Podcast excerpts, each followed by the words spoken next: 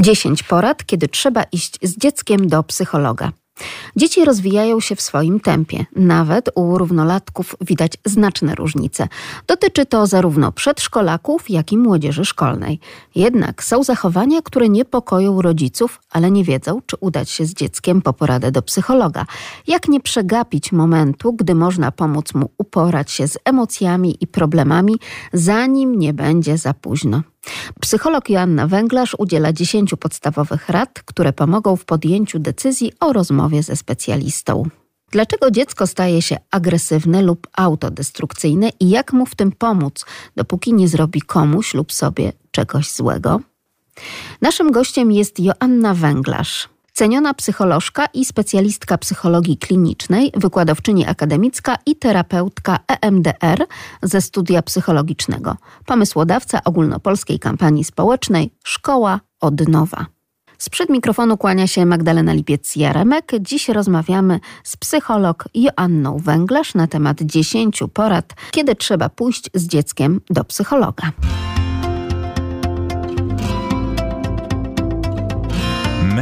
Rodzice. Szanowni Państwo, przed naszym radiowym mikrofonem po raz kolejny przedstawiamy wyjątkowego gościa. To ceniona psycholożka i specjalistka psychologii klinicznej, wykładowczyni akademicka, a także terapeutka EMDR ze studia psychologicznego, pomysłodawczyni ogólnopolskiej kampanii społecznej Szkoła od Nowa. O tym projekcie już mówiliśmy wielokrotnie także na antenie Polskiego Radia Lublin w audycji My Rodzice. Dziś kolejny ważny temat, który podejmuje z Państwem pani Joanna Węglarz. Dobry wieczór. Dobry wieczór. Co powinno nas, rodziców, zaniepokoić i co powinno skłonić nas do przemyślenia, że być może z naszym dzieckiem, bez względu na jego wiek, warto zapukać do drzwi gabinetu psychologicznego? Czy na początek właśnie sen, który wydaje się być takim miernikiem często e, zdrowej psychiki dziecka, czyli brak tych zaburzeń snu, brak również moczenia nocnego, czy to jest coś, co być może w pierwszej kolejności jakoś zwraca uwagę? Uwagę rodziców. Jak pani uważa? Tak, zdarza się tak, że rodzice przychodzą rzeczywiście y, albo z takim dzieckiem, które ma w ogóle problem ze spaniem, od kiedy się urodziło, albo ten sen się pogarsza. No i, y, i to jakby w dwie strony działa. Po pierwsze, to może świadczyć o tym, że coś jest y, nie tak w rozwoju, y, że dziecko wymaga wsparcia, ale też no, brak snu y, często wpływa na całą rodzinę, czy brak snu, czy, czy taki słabszy sen, więc jakby to też nasila różne problemy. Więc rzeczywiście to jest często taka sytuacja, która no, bardzo negatywnie wpływa na całą rodzinę i czasami rodzice też nie wiedzą, że z zaburzeniami snu można się do psychologa udać. Bez względu na wiek dziecka, prawda, jeśli chodzi o ten sen, bo wiadomo, że różne są te potrzeby niemowlęcia, które jeszcze ciągle na przykład wybudza się na karmienie, w stosunku na przykład do tego, jak różne są potrzeby nastolatka, także jeśli chodzi o sen. Czy zwraca Pani także tutaj uwagę na to, że coraz mniej mówimy o takim zdrowiu tak naprawdę i zdrowej higienie również tego snu, zwłaszcza jeśli chodzi o dzieci starsze? Moich y, dziewczynek siedmioletnich, koledzy i przyjaciele bardzo często zasypiają w okolicach północy. Więc i to nie tylko wtedy, kiedy witają nowy rok, ale w takim rytmie codziennym. Mi się wydaje to troszeczkę chyba niezdrowe po prostu. Tak, ogólnie to jest tak naprawdę niezdrowe, tak chodzi spać. Ja wiem, że wiele osób dorosłych też tak chodzi spać, e, gdzieś tam po północy. Natomiast tak naprawdę no, sen ogólnie jest dużo bardziej zdrowszy przed północą, więc jakby no i dorosłych to dotyczy. Natomiast w przypadku dzieci to zdecydowanie jest ważne, żeby dbać o, o higienę snu. Po pierwsze jakieś takie stałe godziny pójścia spać, takie wyciszenie przed snem, no i zasypianie bez komórki, bez tabletu, bez telewizora, bo to też się czasami zdarza i to się przykłada na jakość snu. Więc jakby rzeczywiście tutaj wiele rzeczy, wiele jest problemów, wiele jest takich rzeczy do, często do skorygowania, no i też badania mówią, że pandemia popsuła ten sen sen, że tak powiem, więc jakby, że zaburzenia snu się pojawiły u ponad 90 uczniów. Pewnie z racji tego, że właśnie później wstawali i, przez to później chodzili spać, no i właśnie z tą komórką pod, pod poduszką e, spali i to zaburzyło rytm spania, więc rzeczywiście warto tutaj zrobić rachunek sumienia i może się trochę tym tematem zająć. Tak naprawdę nie trzeba było wstawać na przykład na 7.30 na lekcję, czyli nie trzeba było wstawać dużo, dużo wcześniej, no bo o 7.30 to trzeba było być jeszcze przed pandemią w szkole, po prostu w klasie, pełnej gotowości, umytym, ubranym i wyszykowanym, prawda? Natomiast teraz wystarczyło wstać te 5 minut przed rozpoczęciem zajęć i kliknąć jeden bądź dwa przyciski na klawiaturze komputera. E, więc to też zupełnie inaczej e, wskazuje na te zachowania dziecięce, zwłaszcza zachowania uczniów. Bardzo wielu psychologów przecież mówi o tym, że ten nasz umysł, no to dobrze pracuje tak naprawdę rano. Oczywiście nie tak bardzo wcześnie rano, ale generalnie jednak przed południem, prawda? Tak, tak. Co prawda są takie osoby, które mówią, że gdzieś tam lepiej im się funkcjonuje wieczorem, ale jednak rzeczywiście większość badań mówi o tym, że rano to jest taki czas aktywności.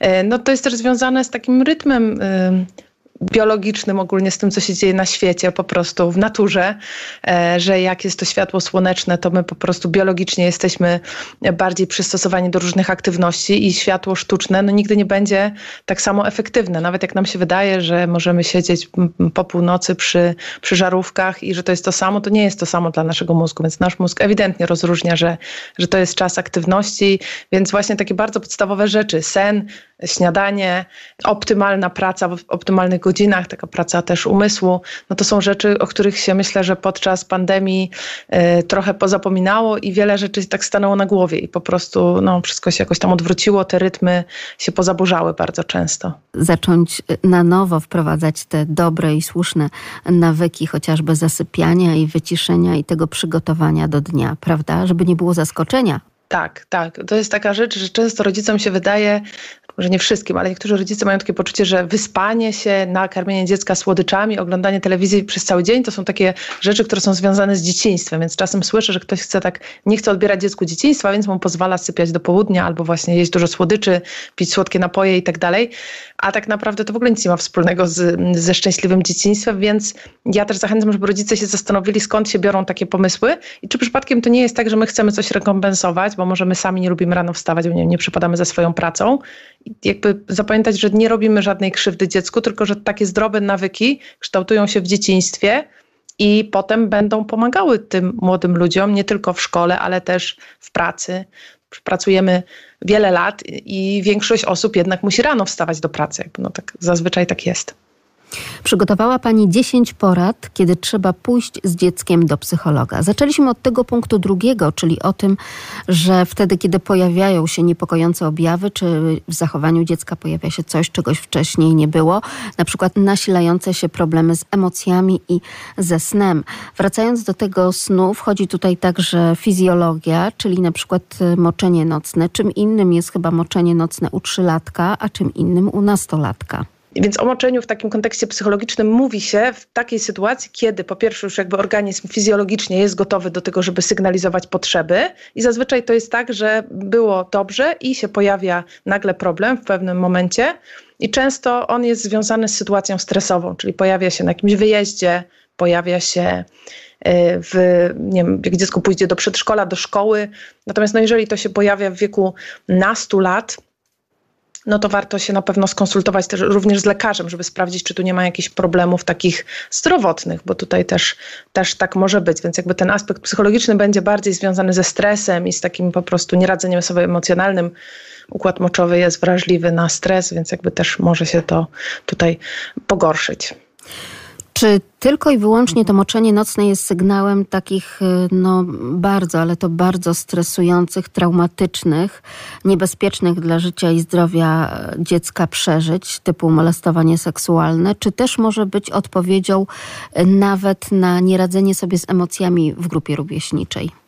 U młodszych dzieci może tak być. Czasami u dzieci nieśmiałych też się pojawia, jak one się na przykład wstydzą, nie wiem, zgłosić y, swoją potrzebę, pójść do toalety, y, albo nie wiem, albo się boją czegoś, na przykład na koloniach tak może być, że boją się, nie wiem, przejść przez ciemny korytarz i to się może pojawiać. Natomiast ogólnie no, może tak być, że różne problemy emocjonalne będą skutkowały tym, że dziecko y, będzie miało na przykład złe sny i w nocy się pojawi moczenie. To nie będzie jedyny i taki główny objaw tych y, stresów i niedostosowania, ale rzeczywiście warto się temu przyglądać i pamiętać, że to jest taki bardzo wrażliwy e, objaw i e, nie stygmatyzować, nie wyśmiewać dziecka absolutnie, nawet często o tym nie mówić, tylko po prostu e, no, reagować jak no, stało się, tak, no, trudno, przebierzemy tutaj łóżko i, i już, no i, i, i, żeby jakby nie robić takiej wspólnej, wtórnej traumatyzacji, bo rzeczywiście to się wielu dzieciom zdarza i nawet wiele osób dorosłych nie, nie chce się tego przyznać, ale ma taką historię, że się to gdzieś tam zdarzyło w dzieciństwie, ale to jest wstydliwe, nie chcemy o tym mówić, bo nam się wydaje, że to w ogóle o nas świadczy jakoś tam bardzo źle a to może być normalne. Więc jakby tutaj e, ważne, żeby o tym pamiętać i, e, i jeżeli to jest jakiś incydent jeden, drugi, to, to, to, to gdzieś tam to musi przyglądać i sprawdzić, czy to nie jest tak, że właśnie, że dziecko po prostu na przykład nie chce poświęcić jakiejś fajnej zabawy i nie zdążyło do toalety, albo się właśnie czegoś wstydzi, albo się boi, ale jeżeli to się będzie nasilało i będzie coraz takie bardziej um, problematyczne, no to wtedy warto tutaj przyjrzeć się temu, jaka może być przyczyna. Dziecko rozwija się z opóźnieniem. To punkt pierwszy wśród tych dziesięciu porad przygotowanych przez panią Joannę Węglarz. Przypomnę, Joanna Węglarz, psycholog razem z nami. O jakie opóźnienia tutaj chodzi? No właśnie, zawsze z tym opóźnieniem to jest bardzo trudno tak jednoznacznie tutaj wytłumaczyć, bo, bo te widełki zaburzeń rozwojowych i w ogóle rozwoju są bardzo szerokie i dziecko coś może robić w jakimś etapie, w jakimś wieku, a może to robić pół roku wcześniej lub później.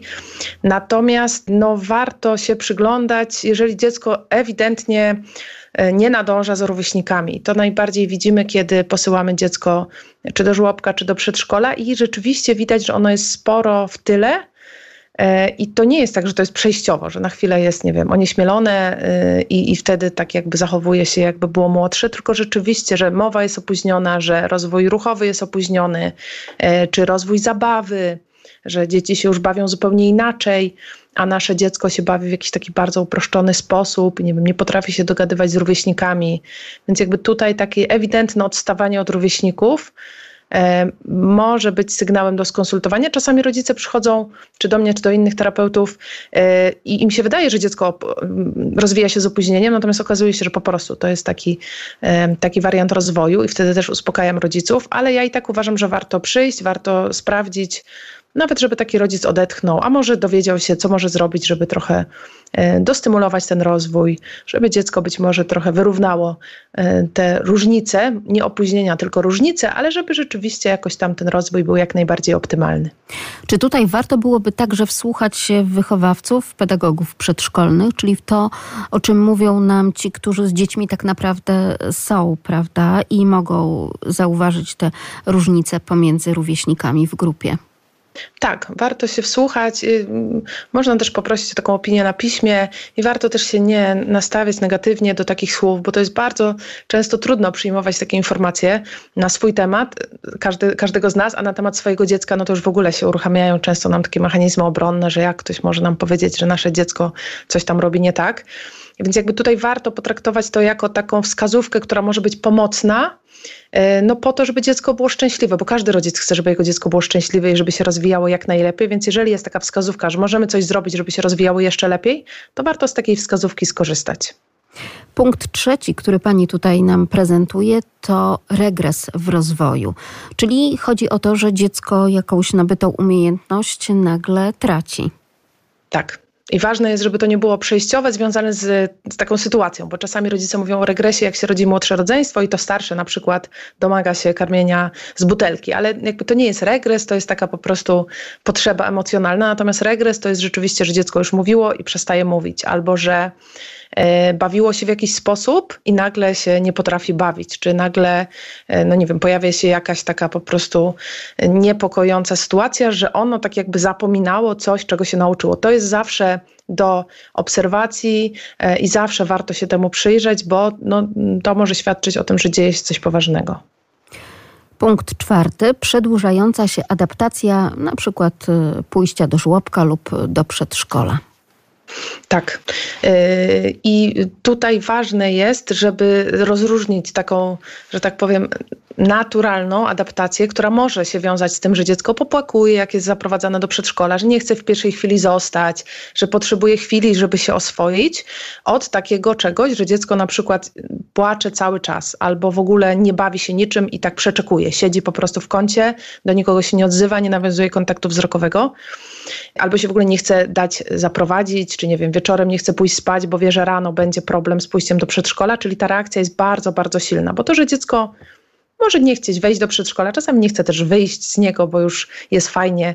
Więc jakby no to jest naturalne. Tak może być. Y, tutaj osoby pracujące w żłobkach, w przedszkolach mówią na podstawie jakichś swoich obserwacji, że do miesiąca tak może być, że dziecko rano trochę popłakuje. Ale y, a są takie dzieci, które w ogóle nie popłakują, tylko przyprowadzamy i jest super. Ale jeżeli rzeczywiście jest to bardzo nasilone i widzimy, że to się wiąże z takimi, nie wiem, atakami płaczu i, i takim wyrywaniem się, rozpaczą, no to warto też sprawdzić, co możemy zrobić, jak pomóc takiemu dziecku, bo no jest kilka rzeczy, które można zrobić i warto, żeby taki rodzic też zasięgnął porady specjalisty, zanim ten problem się zrobi taki, że dziecko zacznie tak chorować, że już nie zaprowadzimy do przedszkola, bo, bo stres wpłynie na immunologię i po prostu dziecko będzie ciągle chore. To tak też się zdarza. A czy tutaj być może, nie wiem, taką przyczyną y, i zarazem ratunkiem może być to, że zmieniamy na przykład placówkę? Czy tutaj chodzi w ogóle o taką e, separację, znaczy właśnie ten lęk separacyjny dziecka w stosunku e, oderwanego od mamy, z którą na przykład ostatnio przebywało? Różnie może być. Czasem to jest tak, że dzieci nie są przygotowane w ogóle na rozstania. Czyli y, mama jest ciągle i dziecko jakby nie ma takiego doświadczenia, że jest z kimś innym. Więc tutaj y, wtedy na przykład warto y, przeprowadzić taką adaptację na raty, czyli dziecko, żeby się trochę po prostu oswajało. Przyszło na chwilę, wróciło do domu, potem znowu przyszło na chwilę. W niektórych placówkach jest taka możliwość. Może być, że to jest kwestia tego przedszkola i to nawet nie chodzi o to, że tam, nie wiem, ktoś robi coś nie tak, robi krzywdę dzieciom, tylko z jakiegoś względu nasze dziecko no nie pasuje. Tak jak my, no nie wiem, nie w każdym miejscu pracy, nie w każdym środowisku się odnajdujemy, nie z każdym sąsiadem mamy równie bliskie relacje, więc tak samo jest z dziećmi, że dziecko z jakiegoś względu może po prostu się tam słabo czuć.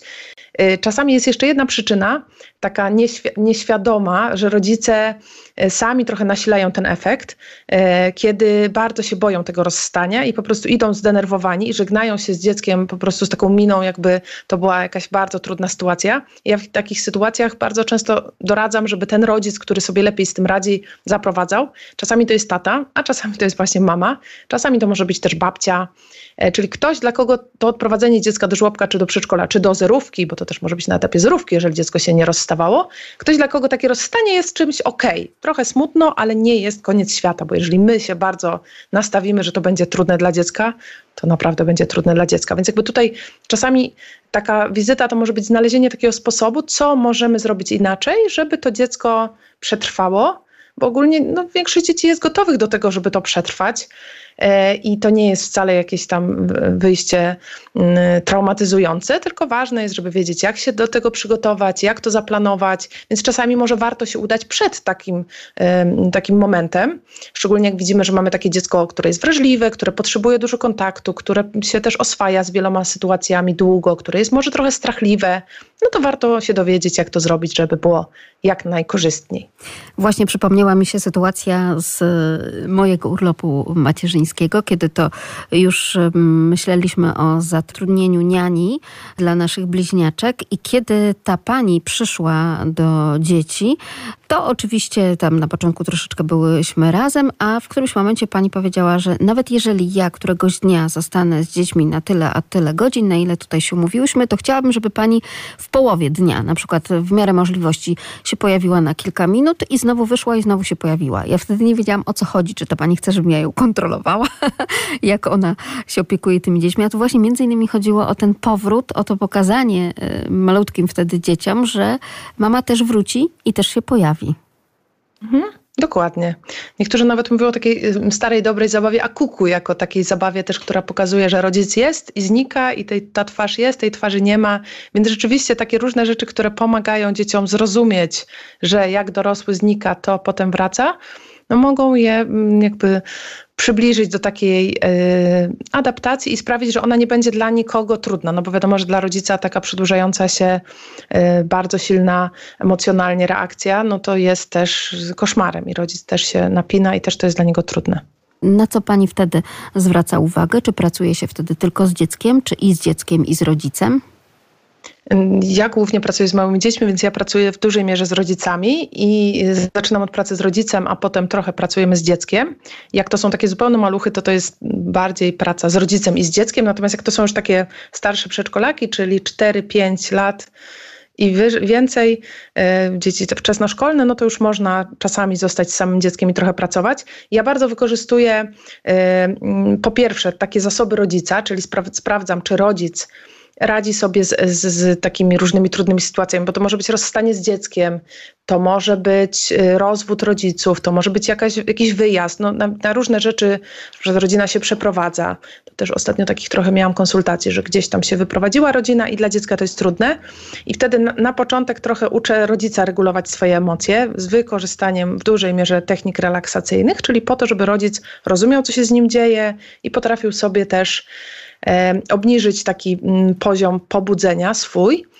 Mm, I jeżeli to jest trochę starsze dziecko, to uczę te, czyli taki właśnie pięciolatek to już na pewno, czterolatki niektóre już też są w stanie, to też trochę tłumaczę, e, rysując takiego ludzika, pokazując dziecku, jak stres wpływa na nie, i, e, I na przykład mówię, że jak się właśnie stresujemy, to są takie bąbelki stresu, które krążą po naszym ciele i różne rzeczy mówią. na przykład ostatnio miałam takiego chłopca, który miał problem z wypróżnieniami i mówiłam mu, że te bąbelki stresu czasami tak robią, że blokują e, i właśnie, że, że blokują brzuszek i że dziecko nie może się załatwić. No i, i widziałam po prostu, że on mówi, tak, ja mam właśnie takie bąbelki. Więc jakby rzeczywiście dziecko czasami przez takie proste, różne opowieści, ale jednak prawdziwe, no bo może to nie ma takich bąbelków, ale jest tak, że stres blokuje różne e, działanie naszego organizmu. Y, no, uczy się rozumieć, co się dzieje z, niego z jego ciałem, a potem uczymy się robić tak, żeby właśnie, żeby się mniej stresować, żeby sobie radzić, czyli, e, czyli oddychamy relaksująco, czasami podpowiadam rodzicom jakąś taką literaturę, którą można wykorzystać. E, jest taka bardzo fajna książka, która porównuje zmartwienie do pomidorów i mówi, jak przestać się martwić, chyba tytuł. Więc jakby też kseruję rodzicom rozdziały, żeby sobie poczytali w domu. Więc jakby, y, ale podstawą jest dla mnie to, żeby rodzic sobie radził z różnymi rzeczami, bo często okazuje się, że to u rodzica pojawiło się, nie wiem, pojawiła się kumulacja wielu, wielu problemów, i dziecko po prostu to pokazuje, czyli to mama jest zestresowana, to mama nie może spać, albo to rodzice się nie dogadują, albo to tata czasami, bo też mi się zdarza, że to tata przychodzi i jak się wzmocni rodzica, to praca z dzieckiem to są dwa spotkania i po prostu już jest y, często po problemie. A jednak, więc wszystko się zaczyna gdzieś w nas, dorosłych. Punkt piąty: silne reakcje emocjonalne, które pojawiają się najczęściej w sytuacji nakazu, zakazu lub przerwania ulubionej aktywności i tutaj mamy właśnie takie sytuacje, że szczególnie niepokojące powinny być takie momenty, gdy dziecko zachowuje się agresywnie w stosunku do rodziców, rodzeństwa czy innych osób, czyli po prostu złości się, zaciska pięści często, no i po prostu bije nas nawet. Tak, i, i to rodzice jakby dość dobrze odróżniają, kiedy to jest niepokojące, a kiedy nie, bo, no bo no, dzieci mają czasami silne reakcje emocjonalne, ale rodzic, jeżeli widzi, że to jest w momencie zmęczenia albo w jakimś tam momencie, nie wiem, że mu na czymś bardzo zależało i to się nie udało, no to nie przychodzą z takimi rzeczami. Ale zdarza się rzeczywiście, że przychodzą i mówią wtedy na przykład, że takich sytuacji jest kilka dziennie. Albo, że dziecko tak bardzo płacze, też miałam kiedyś takiego chłopca, który płakał, jak mu się, nie wiem, nie pozwoliło wyjść na podwórko, to płakał dwie godziny, aż w końcu zasypiał pod drzwiami taki umęczony. I to nie był taki tam szlochanie, tylko to był wrzask. I wtedy już jakby te reakcje są takie no, silne, wzmożone, nieadekwatne, lub właśnie, jeżeli się pojawia agresja, i to nie takie tam klepnięcie kogoś, czy, czy oddanie, jak ktoś tam coś zrobił, tylko takie rzucanie się, nie wiem, gryzienie, atakowanie innych, czasami też atakowanie zwierząt domowych takie, jak to rodzice mówią, z premedytacją, że oni widzą, że to dziecko po prostu chce zrobić krzywdę i wtedy rzeczywiście warto się skonsultować, bo tak może być przy różnych zaburzeniach. Czasami tak też jest, kiedy, kiedy jest przemoc, kiedy dziecko jest na przykład świadkiem przemocy, być może e, tylko, e, w cudzysłowie mówiąc, tylko emocjonalnej, czyli tata krzyczy na mamę i dziecko sobie z tym nie radzi. E, więc jakby no, i czasami to jest takie otrzeźwienie dla rodzica, bo też miałam kiedyś taką mamę, która właśnie przyszła z podejrzeniem autyzmu i dziecko rzeczywiście miało wiele niepokojących zachowań. Jak zaczęłyśmy dłużej pracować, okazało się, że tam jest po prostu duża przemoc. No i tata się zachowuje agresywnie w stosunku do niej, tata dziecka. Kiedy ona się wyprowadziła, założyła mu niebieską kartę, no to jakby też poziom tych zachowań u chłopca się dużo zmniejszył, więc jakby on sobie po prostu z tym wszystkim nie radził, nie rozumiał, co się dzieje, to było dla niego za trudne. No i to zachowanie jego, a on był taki, że potrafił na przykład po trzylatek wziąć klocka i mi rzucić nim w głowę i to było bolesne, więc jakby zastanawiałam się, skąd u takiego dziecka i patrzył takimi jeszcze oczami, czy trafił, więc sobie myślę, skąd tu trzylatka tyle złości? No ale on widział tą złość po prostu w oczach innej osoby i tak się zachowywał, więc jakby takie zachowania warto zawsze skonsultować. No one też mogą być objawem różnych innych, poważniejszych zaburzeń, więc, y, więc tutaj na to trzeba być wyczulonym. Otóż to, no bo rzeczywiście to rozróżnienie jest szalenie ważne, no bo widzimy takie tak zwane, nie wiem, wojny domowe między rodzeństwem, w cudzysłowie mówiąc. No to jest też takie mierzenie się troszeczkę, prawda, sprawdzanie siebie, sprawdzanie tych granic, to jest też ustalanie tych granic, to jest też, no jednak mimo wszystko, no taka nauka poprzez e, różne e, zachowania w stosunku do tego, jak, jak i na ile możemy sobie pozwolić, prawda? Tak, tak. I tak się dzieci też uczą właśnie regulować relacje. Ja też pamiętam z bratem, który jest 3 lata młodszy, się biliśmy. No i tak było po prostu. No, teraz już mamy bardzo dobre relacje, ale rzeczywiście w tym dzieciństwie, no tak, nie wiem, no po prostu było czasem, że czy dochodziło do rękoczynów, czy ja mu coś tam zabierałam i korzystałam z tego, że byłam wyższa i on nie mógł dosięgnąć, więc jakby pamiętam takie sytuacje. Nie wiem dlaczego tak robiłam, ale wiem, czy tak robiliśmy, ale po prostu no, tak to jest między dziećmi. Myślę, że to nas dużo uczyło, ale rzeczywiście, że to się w jakichś ramach y, mieściło. No i I, i, i ważne jest, żeby tutaj y, też nie przesadzać, czyli jak dzieci tam się trochę pokłócą, czy pokrzyczą, czy czasem w afekcie nawet nas uderzą, ale to jest właśnie, widzimy, że to była taka sytuacja, że dziecku naprawdę zależało, no to wtedy po prostu spokojnie reagować gdzieś tam oczywiście rozmawiać y, i tak dalej, nazywać emocje, mówić, co nam się nie podoba, ale jeżeli już czujemy, że po prostu my sobie z tym nie radzimy, może to jest nawet adekwatne, może to jest normalne, ale sobie nie radzimy, już po prostu mamy dość, no to warto dowiedzieć się, e, co zrobić. Teraz jest pełno książek, pełno różnych metod, jest dużo takich technik e, czy modeli wychowania, które zakładają, że e, kary i nagrody nie są dobre, że w ogóle najlepiej rozmawiać i tak dalej. Nie wszyscy rodzice się w tym odnajdują i niektórzy no, doprowadzają do tego, że w ogóle tych metod wychowawczych żadnych nie ma i że dziecko nie ponosi konsekwencji za nic. No i wtedy ono się zaczyna zachowywać bardzo różnie, i wtedy czasami trzeba wprowadzić jakieś takie zasady i dać konsekwencje, jeżeli dziecko tych zasad nie przestrzega. Trudne są także relacje w rodzinach patchworkowych, zwłaszcza te pomiędzy rodzeństwem. Wtedy, kiedy mamy jakby z jednej strony dzieci y, moje, twoje i nasze, tak? I no oczywiście coraz częściej są to spotkania takie właśnie patchworkowe, wielorodzinne, i tutaj często obserwujemy coś, co być może dzieci nie potrafią jakby wyrazić, no bo jak to się dzieje, że nagle e, ten mój tata staje się ojcem także, prawda, tutaj dla, dla tych innych dzieci, które pojawiają się u nas na niedzielnym obiedzie, czy podwieczorku, czy na wspólnym wyjeździe. Tak, to jest bardzo ważny temat, który pani porusza, bo rzeczywiście e, no jest wiele takich rodzin i mam wrażenie, że to, czego brakuje, to takiego komunikowania się i jasnego ustalenia zasad. E, kto ma prawo zwracać dzieciom uwagę, dlaczego jest taka sytuacja. My czasami pomijamy taki fakt i, mm, stawiamy dzieci przed faktem dokonanym, też pomijamy taką potrzebę e, i to może dotyczyć tego, że, że rodzice się rozwodzą, że tata się wyprowadzi, albo że się właśnie wprowadza wujek, albo że to będą właśnie dzieci, które będą no, z nami jeździć jeździły na wakacje. I nie wiem, mm, dlaczego tak jest. Myślę, że, że często się boimy albo nie wiemy, co powiedzieć. I no, w ogóle dzieci nie rozumieją tej sytuacji, więc jakby ważne jest, żeby rozmawiać z dziećmi, żeby informować. Czasami nie trzeba bardzo dokładnie informować, tak? Dlaczego już nie jesteśmy, nie wiem, e, z ojcem dzieci, tak, czy, czy z matką w przypadku ojca? Yy, i dlaczego właśnie teraz się spotykamy z inną osobą, tylko wystarczy powiedzieć, tak, zobacz, tutaj jest teraz na wyjazd, pojedzie z nami wujek, to są dzieci wujka, albo tutaj wujek będzie z nami mieszkał, przyznacie wujka i tak dalej yy, i o tym rozmawiać, ale ważne jest, żeby partnerzy też rozmawiali o swoich oczekiwaniach, o swoich potrzebach, bo tutaj czasami e, w takiej euforii, tym, że znaleźliśmy kogoś e, po takim, nie wiem, czasie, kiedy było nam trudno, kiedy byliśmy w jakimś takim destrukcyjnym związku, nie chcemy psuć i nie chcemy mówić o naszych oczekiwaniach i obawach.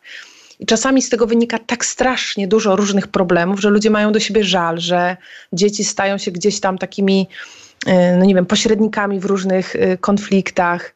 E, szczególnie jeżeli to jest taka sytuacja, że jedna osoba nie ma dzieci, a druga ma dzieci. To czasami jest trudno, no bo wtedy można sobie w kłótni różne rzeczy, no tak, bo jakbyś ty miał dzieci, albo jakbyś ty wiedziała, to coś tam. E, różne rzeczy sobie można wypomnieć. a ważne jest, żeby rozmawiać, żeby po prostu siąść, porozmawiać, powiedzieć o oczekiwaniach, powiedzieć o tym, czego byśmy chcieli, jak sobie wyobrażamy rolę tej drugiej osoby e, i, i jak my to widzimy, a potem porozmawiać o tym z dziećmi, E, żeby one też wiedziały, czego się od nich oczekuje, a nie zakładać, że dobra, jest jakiś stan i one się muszą zorientować i domyślić i dostosować. No, tak nie będzie na pewno, tylko będzie duże zamieszanie. Punkt siódmy to dziecko ma problem z zabawą. Jak dziecko może mieć problem z zabawą, skoro zabawa no, powinna być dla niego czymś szalenie naturalnym i to właśnie no, kto się bawi? No dzieci się bawią.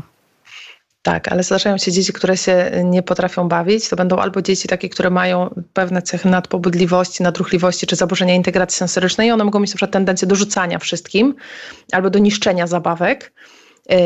Czasami też taka zabawa, która jest bardzo schematyczna, bardzo powtarzalna, y, no, może rodzić podejrzenie, że to są zaburzenia ze spektrum autyzmu, czyli kiedy dziecko nie, nie wykorzystuje wyobraźni y, w zabawie, szczególnie po drugim roku życia, nie bawi się na niby, nie tworzy jakichś scenek, nie udaje czegoś, nie, nie jeździ autkiem, nie robi brum, y, albo nie bawi się z rówieśnikami. W takim starszym wieku przedszkolnym dzieci już się powinny bawić z rówieśnikami, to już powinna być zabawa tematyczna w sklep, w dom, mm, nie wiem, w pocztę, w jakieś takie różne y, wydarzenia, albo w urodziny, że wszyscy po kolei mają urodziny, w składanie życzeń, no, dzieci bawią się tematycznie. I y, no, jakby tutaj też dziecko, które się nie potrafi bawić, albo się krótko y, bawi, albo właśnie jest dużo takich destrukcyjnych treści w zabawie. Czasami dzieci odreagowują i czasami jest tak, że ktoś się z kimś pokłóci, ale jeżeli to jest tylko niszczenie, rzucanie, yy, psucie, no to też tutaj może to świadczyć albo o problemach emocjonalnych, albo, albo o zaburzeniach rozwojowych typu właśnie autyzm, ADHD czy jakieś inne problemy. I tutaj myślę, że znów powinnyśmy chyba zaapelować o taką niesamowitą uważność jednak wychowawców, prawda, przedszkolnych. No tutaj mówimy ciągle o małych dzieciach i o ich zabawie, czy też w pierwszych klasach szkoły podstawowej, klasach 1-3, no bo jednak to ci ludzie, prawda, którzy jakby zawodowo też się tym zajmują, mogą nam to wszystko jakoś wskazać i uwrażliwić. I pamiętam taką sytuację, kiedy jedna z dziewczynek w grupie moich dzieci, nagle jej mama usłyszała od wychowawczyni, że chyba coś się niepokojącego dzieje, bo ciągle taka jest, nie jest taka jak była, prawda? Że coś, że ciągle trzyma się za rączkę, dosłownie spódnicy, dosłownie chwytała łapką za spódnicę, czy coś się wydarzyło. I wtedy ta mama tak sobie uprzytomniła, że jejku, przecież ja zupełnie Państwu zapomniałam tu w przedszkolu powiedzieć, że mieliśmy włamanie do domu i być może tutaj stąd taki lęk dziecka o, o to zachwiane bezpieczeństwo, prawda, nastąpił. Więc myślę, że tutaj, jeśli chodzi także zwłaszcza tę zabawę i relacje rówieśnicze, to też warto zaufać tym, którzy również profesjonalnie zajmują się naszymi dziećmi. Tak, tak, tak, warto zaufać, a właśnie a, a, specjaliści ważne, żeby na to patrzyli, bo, bo właśnie u małych dzieci ta zabawa no to jest naturalny sposób zachowania, u starszych no to wiadomo, że ta zabawa już w wieku nastu lat czy wieku dorosłym wygląda inaczej, czyli my po prostu rozmawiamy, spędzamy czas, różne rzeczy robimy, które lubimy. E, no i też właśnie brak tej zabawy, czy taka ograniczona, czy jakaś taka właśnie, e, która nie daje satysfakcji, no zawsze powinna być e, czymś, czemu warto się przyjrzeć. Jest ważne, żeby na to zwracać uwagę. Punkt ósmy. Rodzica coś niepokoi, ale dokładnie nie wie, co to jest, jak to określić, jak to nazwać. Najgorsze, co można w takiej sytuacji zrobić, radzi nam pani psycholog Joanna Węglarz, z którą dzisiaj rozmawiamy, to sprawdzić, co znaczą te objawy w internecie. I tak przypominam sobie ze swoich pierwszych dosłownie miesięcy macierzyństwa, kiedy to wyczytałam, że no jak tak niemowlę y, leży i patrzy się w sufit, to na pewno coś jest już autystycznego i coś źle. No i nagle dostałam takie otrzeźwienie od mojej własnej mamy. No a jak dziecko leży, to w co ma się patrzeć? Tak? Jak, jak ma główkę właśnie zwróconą na lampę i na sufit. Tak, no właśnie. Dobrze, że mama tak doradziła, bo rzeczywiście ja bardzo często, jak przychodzą rodzice y, małych dzieci, to bardzo często wiem, że się boją autyzmu, bo dziecko macha rączkami w jakiś sposób, kiedy się ekscytuje, bo właśnie gdzieś tam patrzy, bo jest poważne, bo coś tam innego. Bo ustawia I, klocki. Bo ustawia klocki, dokładnie, tak, bo nie reaguje na imię, a jeszcze nie powinno, jest za małe i tak dalej. No jest wiele takich rzeczy, które jak sobie wpiszemy, to wyjdzie autyzm y, albo jakieś tam inne problemy. Natomiast no, czasami tak jest, że rzeczywiście rodziców coś niepokoi. To czasami może tak być, że na przykład była trudna historia, nie wiem, zajścia w ciąży, to długo trwało, albo jakaś właśnie trudna ciąża, albo poronienie wcześniejsze. Czasami tacy rodzice są nadwrażliwi e, ale ja i tak uważam, że warto przyjść i ten lęk swój zredukować i dowiedzieć się, że jest ok, niż siedzieć, zamartwiać się, wpisywać, porównywać to dziecko, bo albo wywołamy jakieś objawy, albo po prostu no, będziemy tak znerwicowani, że wpłyniemy też na to dziecko. Więc, więc tutaj nawet jeżeli jest wszystko ok, to warto przyjść, ale mi się też wiele razy naprawdę zdarzało, że taka intuicja i tutaj no, miałam głównie doświadczenia z mamami, ale to na pewno nie dotyczy tylko mam. Yy, ale właśnie, no ja ojca żadnego sobie nie przypominam, ale rzeczywiście, że rodzic zauważa, znaczy, że rodzic czuje, że coś jest nie tak i przychodzi z dzieckiem, rzeczywiście okazuje się, że jest potrzeba jakiegoś tam wsparcia czy medycznego, e, czy takiego e, psychologicznego, czy po prostu jakiegoś innego rozwojowego, nie wiem, fizjoterapeuty, bo jest obniżone napięcie, czyli no, dziecko płacze w taki sposób, że rodzica to niepokoi, albo jest jakieś tam, nie wiem, apatyczne, czy się właśnie, nie wiem, nie potrafi cieszyć. No i właśnie, i coś tam się dzieje, i czasami takie też drobne pokierowanie. Hmm, pomoże. Ostatnio na przykład miałam taką konsultację, kiedy rodzice powiedzieli w zasadzie, że dziecko po prostu bardzo długo zasypia i to jest dla nich takie niepokojące. I tu się nic z tym dzieckiem nie dzieje, ale rzeczywiście oni byli na dobrej drodze do tego, żeby utrwalić pewne takie problemy z zasypianiem, bo dziecko zasypiało dwie godziny. I w moim odczuciu po prostu jakby no nie wzięli pod uwagę tego, że się trochę zmieniła pora roku i że się robi przejść później jasno i że już o 19 może nie trzeba tego dziecka kłaść, tylko można zacząć kłaść po 20, skoro no i tak osypia o 21 no ale oni gdzieś tam, jak było noworodkiem, to zaczęli zasypiać o 19, no i tak po prostu coraz dłużej się męczą. Więc jakby czasami taka drobna modyfikacja może sprawić, że te problemy się skończą, zanim się naprawdę rozkręcą. I po to też warto po prostu czasami przyjść. Bo tak jak pani pisze w punkcie dziewiątym, specjalista zauważy niepokojące objawy. Nie zawsze lekarz powie o nieprawidłowościach w odpowiedni sposób i przez to wielu rodziców reaguje negatywnie i być może rzeczywiście wtedy to spotkanie z psychologiem potrafi znów to najpierw nas, rodziców, ustawić. Tak, dokładnie. Tutaj też y, w tym punkcie tak y, trochę chciałam usprawiedliwić różnych specjalistów, którzy mogą powiedzieć w jakiś taki nieodpowiedni sposób, którzy mogą y, nieuważnie powiedzieć. Ja się bardzo staram dobierać słowa, żeby nie, nie użyć takiego, które może być wieloznacznie rozumiane jako to, że widzę jakiś problem i nie wiem, i go nie chcę ugłośnić. Też nauczyłam się, żeby mówić o tym, co jest dobrze, żeby nie skupiać się tylko na tym, co jest źle, ale wiem, że nie, nie każdy specjalista kładzie y, taką wagę na to i czasami po prostu powie tylko tylko o tym, nie wiem, na szybko, e, albo coś zwróci uwagę, albo powie, no ja nie wiem, czy tu wszystko jest dobrze w rozwoju i rodzic już po prostu sobie wyobraża najgorsze, więc, więc z jednej strony warto potraktować sugestie poważnie i warto się pytać, z drugiej strony warto po prostu być asertywnym dorosłym i powiedzieć, ale czy to znaczy, że coś jest nie tak, czy to znaczy, że mamy się skonsultować, czy mamy się niepokoić, co mamy robić.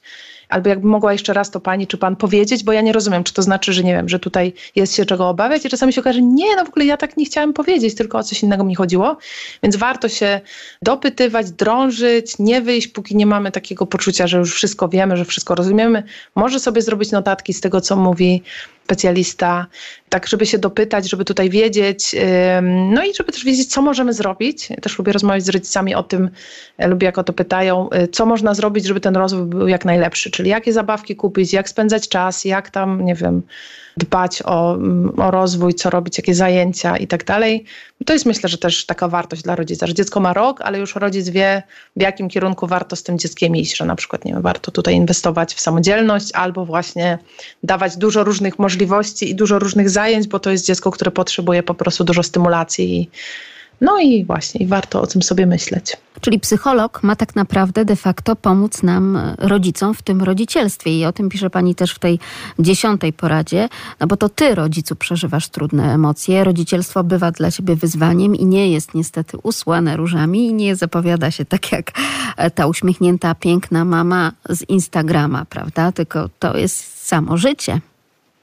Tak. Ja ostatnio rozmawiałam z moją koleżanką, przez którą, e, z którą pracowałyśmy przez kilka lat wspólnie w ośrodku wczesnej interwencji. I ona teraz została mamą. Niedawno ma sześciomiesięcznego synka i właśnie mi powiedziała, słuchaj, przy ja tym rodzicom teoretycznie tak mówiłam wszystko i tak się mądrzyłam, a ja teraz widzę po prostu, jakie to jest ciężkie. I mówię, już nigdy nie będę taka, że będę mówiła, że ale co tam, nie? I po prostu sobie myślę, no właśnie, tak to jest, że to jest to zderzenie z rzeczywistością i nawet jak ktoś jest specjalistą, jak się uczy jak zna teorię i teoretycznie, właśnie, teoretycznie wszystko wie, no to po prostu często to zderzenie z rzeczywistością bywa trudne. E, I dlatego po prostu może mamy prawo sobie nie radzić. Jeżeli nie mamy zasobów na przykład jeszcze, czyli nie mamy wsparcia w najbliższych, nie wiem, może w partnerze, może mieliśmy trudne dzieciństwo, większość ludzi w jakiś sposób miała trudne dzieciństwo, bo no nie ma idealnych rodziców, więc czegoś na pewno nam w tym dzieciństwie brakowało, no to mamy prawo sobie nie radzić, bo urodzenie dziecka często uruchamia całą lawinę różnych takich naszych problemów emocjonalnych, więc też warto tutaj o siebie zadbać, żeby to po prostu e, rodzicielstwo, macierzyństwo nas cieszyło, a nie było takim po prostu jakimś wydarzeniem traumatycznym i takim na przetrwanie. Przeczekam, bo muszę, bo jestem matką, teraz to muszę przetrwać. Nie? Tylko żeby szukać sposobów, żeby jednak doświadczać nie tylko tych cieni macierzyństwa, ale też tych blasków i radości. Bo wprawdzie rozpoczęłyśmy rozmowę o tych dziesięciu porad, kiedy trzeba pójść z dzieckiem do psychologa, ale ten punkt dziesiąty wskazuje nam, że także my jako rodzice przecież możemy pójść e, po taką poradę, no bo to w nas, w matkach i ojcach to wszystko się zaczyna i to od nas tak wiele zależy. I to, o czym pani mówiła, to jest ogrom czynników, czyli jakie my mieliśmy dzieciństwo, na kogo możemy w życiu liczyć, jaka jest nasza osobowość, kondycja psychofizyczna, czy pracujemy, czy nie, prawda? Tak, oczywiście, więc jakby to wszystko ma znaczenie i yy, no i właśnie, i po prostu jeżeli sobie nie radzimy, to naprawdę nie jest to żaden wstyd. Po to są różni ludzie, yy, po to się kształcą, po to robią różne kursy, żeby mogli nam pomóc, więc no jakby warto z tego skorzystać, yy, zadbać o siebie. Bo czasami to są naprawdę pro, proste rzeczy, które powinniśmy zrobić, ale no najciemniej pod latarnią. No tak samo E, psycholodzy, pedagodzy, psychiatrzy, no osoby, które pomagają, też właśnie jak się zderzą z rzeczywistością, tak jak właśnie ta moja koleżanka, no to po prostu doświadczają tego wszystkiego, co, co że tak powiem, zwykli rodzice i też czasami potrzebują kogoś, kto powie, ale słuchaj, no to no tak jest, no ale no spokojnie, e, to minie, zobaczysz, będzie dobrze jeszcze i tak dalej, nie? Więc jakby po prostu czasami potrzebujemy wsparcia kogoś i jakby no, jesteśmy istotami społecznymi, więc, więc jeżeli nie mamy, e, nie wiem, naszej mamy, która jest dla nas wsparciem, partnera, który jest dla nas wsparciem, e, czy jakiejś innej bliskiej osoby, bo czasami to jest też świetne źródło wsparcia, no to warto pójść do, czy do, do gabinetu psychologa, e, czy, czy, czy psychoterapeuty, czy, czy fizjoterapeuty, jak nas boli coś tam, czy, czy, czy na jogę, jak może kiedyś lubiliśmy, czy po prostu na, w, jak, w jakiś inny sposób poszukać dla siebie wsparcia. Bo przecież tak często mówimy o tym, że ta rozmowa, e, właśnie być może czasami i z obcą dla nas osobą, czyli właśnie z psychologiem, no potrafi być sama w sobie kojąca. Nawet wystarczy to wszystko jakby wypowiedzieć, to często tę receptę znajduje ta osoba, która przychodzi z problemem, prawda? Później jeszcze pokierowana przez specjalistę. I tak jak pani tutaj pisze, że to żaden wstyd, że być może ta matka Polka z takim syndromem matki Polki perfekcjonistki, prawda? Na wielu płaszczyznach życia, no, może w którymś momencie się zacząć sypać. No bo nie daje rady, bo to często jest y, no, niemożliwością fizyczną, prawda, żeby na tak wielu płaszczyznach wszystko było tip-top. Tak, a jeszcze jak sobie poglądamy różne social media różnych osób, no to yy, zderzymy się z takim światem fałszywym, bo tam bardzo często to są takie obrazki, które są wycinkiem rzeczywistości, to takim najlepszym. No i możemy popaść nie wiem, w poczucie winy i w takie, nie wiem, kompleksy, że, że my sobie nie radzimy, a tak naprawdę no, nikt sobie idealnie w tej sytuacji nie radzi, bo to jest po prostu zmiana w ogóle o 180 stopni. E, I tyle. I po prostu ja mam wrażenie, że każdemu jest trudno, tylko jedni bardziej o tym mówią, a inni e, gdzieś tam to ukrywają, bo im się wydaje, że nie wypada, że to zaburzy jakiś obraz ich idealny. Każdy z nas ma gorsze momenty, po prostu takie jest życie. Czy gabinet pedagoga szkolnego, psychologa szkolnego to jest coś, co no, mogłoby pomóc tak naprawdę i uczniom, i nauczycielom, i rodzicom? No tak, w takim idealnym założeniu tak, no jakby taka jest rola y, psychologa, pedagoga szkolnego, ale często w praktyce tutaj jest takie trochę pomieszanie ról, bo nie wiadomo dla kogo jest właściwie ten e, pedagog. Czy on jest po to, żeby, czy psycholog, czy on jest po to, żeby dyscyplinować i żeby nauczycielom się lepiej prowadziło lekcje, czy jest po to, żeby e, wspierać uczniów i rodziców i bardzo różnie bywa w różnych szkołach, a czasami taki właśnie psycholog czy pedagog no sam do końca nie wie i tak trochę mm, mm, po tych, między tymi rolami rolami jakoś się miota, a mówi się, że tak naprawdę no, ktoś jest w stanie być specjalistą czy rzecznikiem jednej osoby, czyli jak się pracuje z dzieckiem, to się nie powinno pracować z rodzicem tego dziecka, yy, szczególnie z nastolatkiem, bo, bo jak to jest malutkie dziecko, no to jest jakaś taka diada, ale jak to jest nastolatek i teraz nastolatek przychodzi do mnie, opowiada mi o swoich problemach i narzeka na matkę i następnego dnia ja mam wspierać tą matkę i słuchać narzekań, to nie będę obiektywna, bo czyjąś stronę gdzieś tam wewnętrznie wybiorę.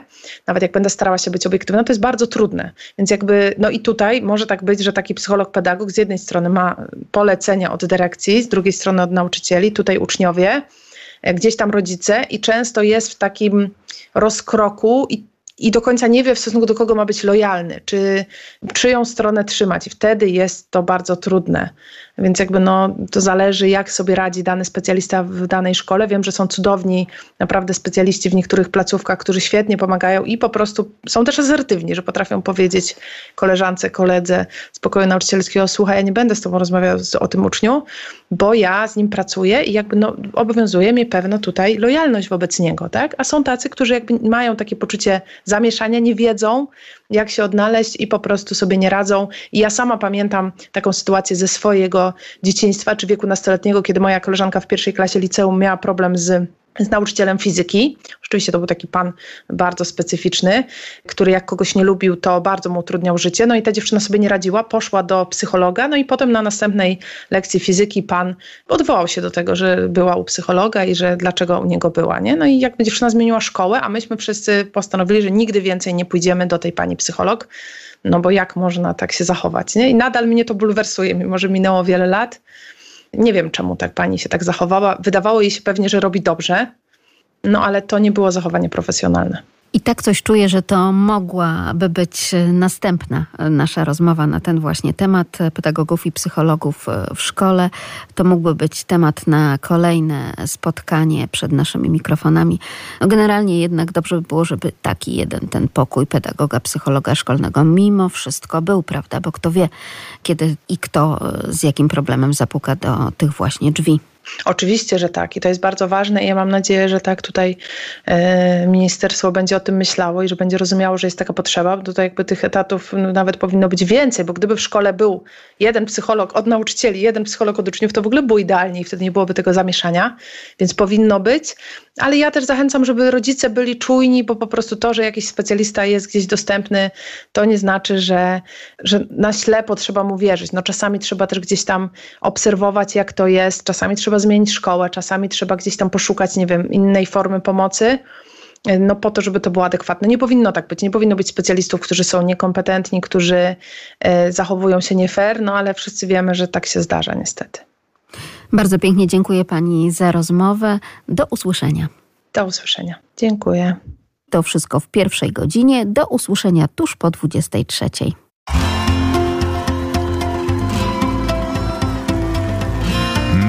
rodzice.